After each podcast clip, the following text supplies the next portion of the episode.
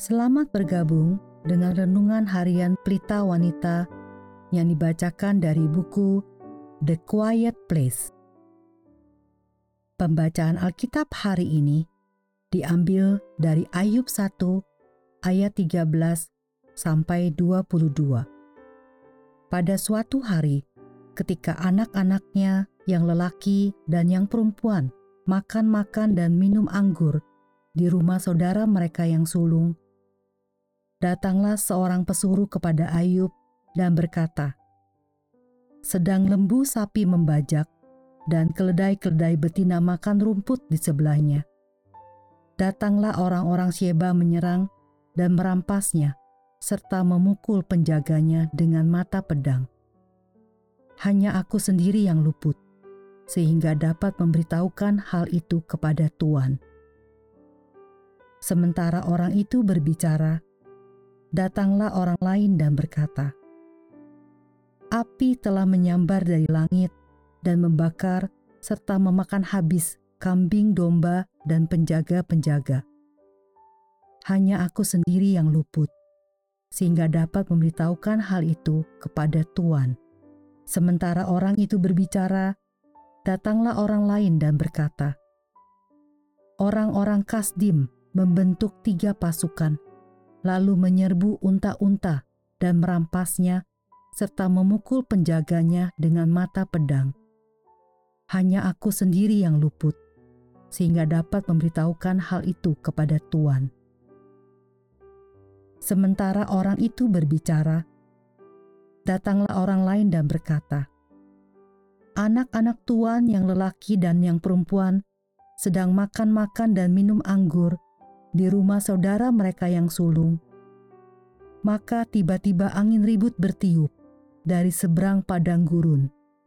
Rumah itu dilandanya pada empat penjurunya dan roboh menimpa orang-orang muda itu sehingga mereka mati.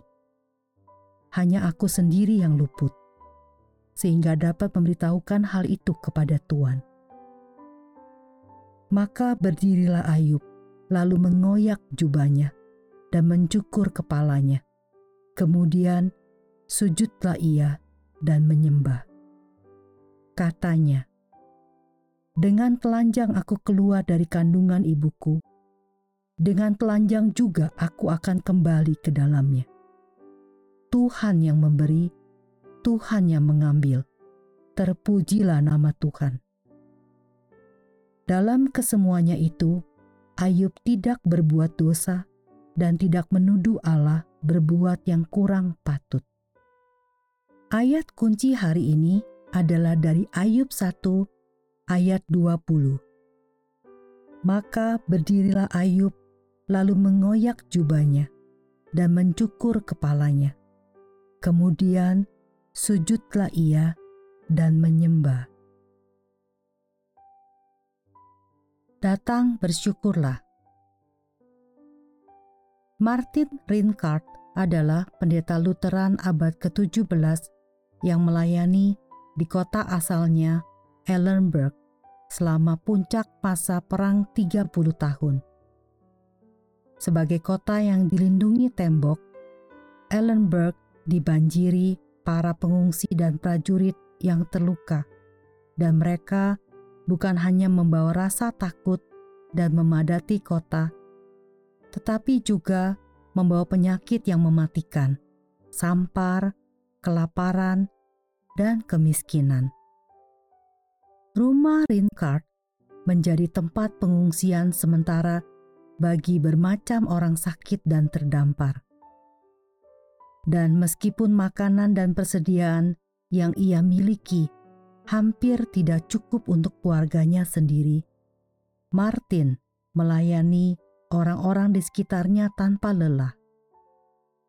Ketika pendeta lainnya pergi untuk menyelamatkan diri, Martin tetap tinggal dan kemudian melakukan lebih dari 4.500 layanan pemakaman di tahun itu. Salah satunya adalah untuk istrinya sendiri. Namun demikian, di tengah-tengah peristiwa yang mengerikan ini, Martin mengarang sebuah doa keluarga untuk diucapkan oleh anak-anaknya sebelum makan. Nyanyian pujian yang masih dinyanyikan sampai sekarang di seluruh Jerman pada acara-acara kenegaraan dan hari peringatan nasional. Sekarang beri syukur, hai hati, mulut, tangan, sempurna dan besar, segala karya Tuhan. Diberinya kita pun anugerah dan berkat yang tak terbilang, terus semula dan tetap. Ketika kita menyanyikan lirik ini dalam kenyamanan suasana pelayanan Thanksgiving di gereja, kita mencium aroma kalkun dari oven, roti hangat di atas meja. Kita mendengar suara-suara kerabat kita, menikmati percakapan dan berbicara satu dengan lainnya. Tetapi jangan salah, bagian refren lagu yang penuh sukacita ini bukan lahir dalam ketenangan sebuah rumah di pedesaan.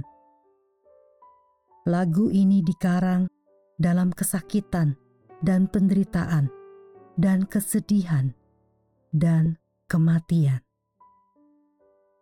Inilah harga yang harus dibayar untuk menghasilkan ucapan syukur sejati.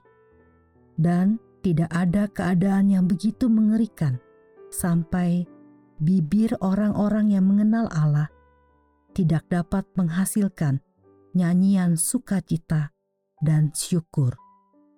Sebagai penutup, mari kita renungkan pertanyaan ini.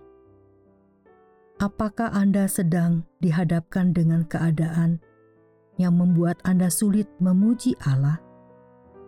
Mintalah padanya untuk menolong Anda mempersembahkan korban syukur di tengah-tengah situasi ini.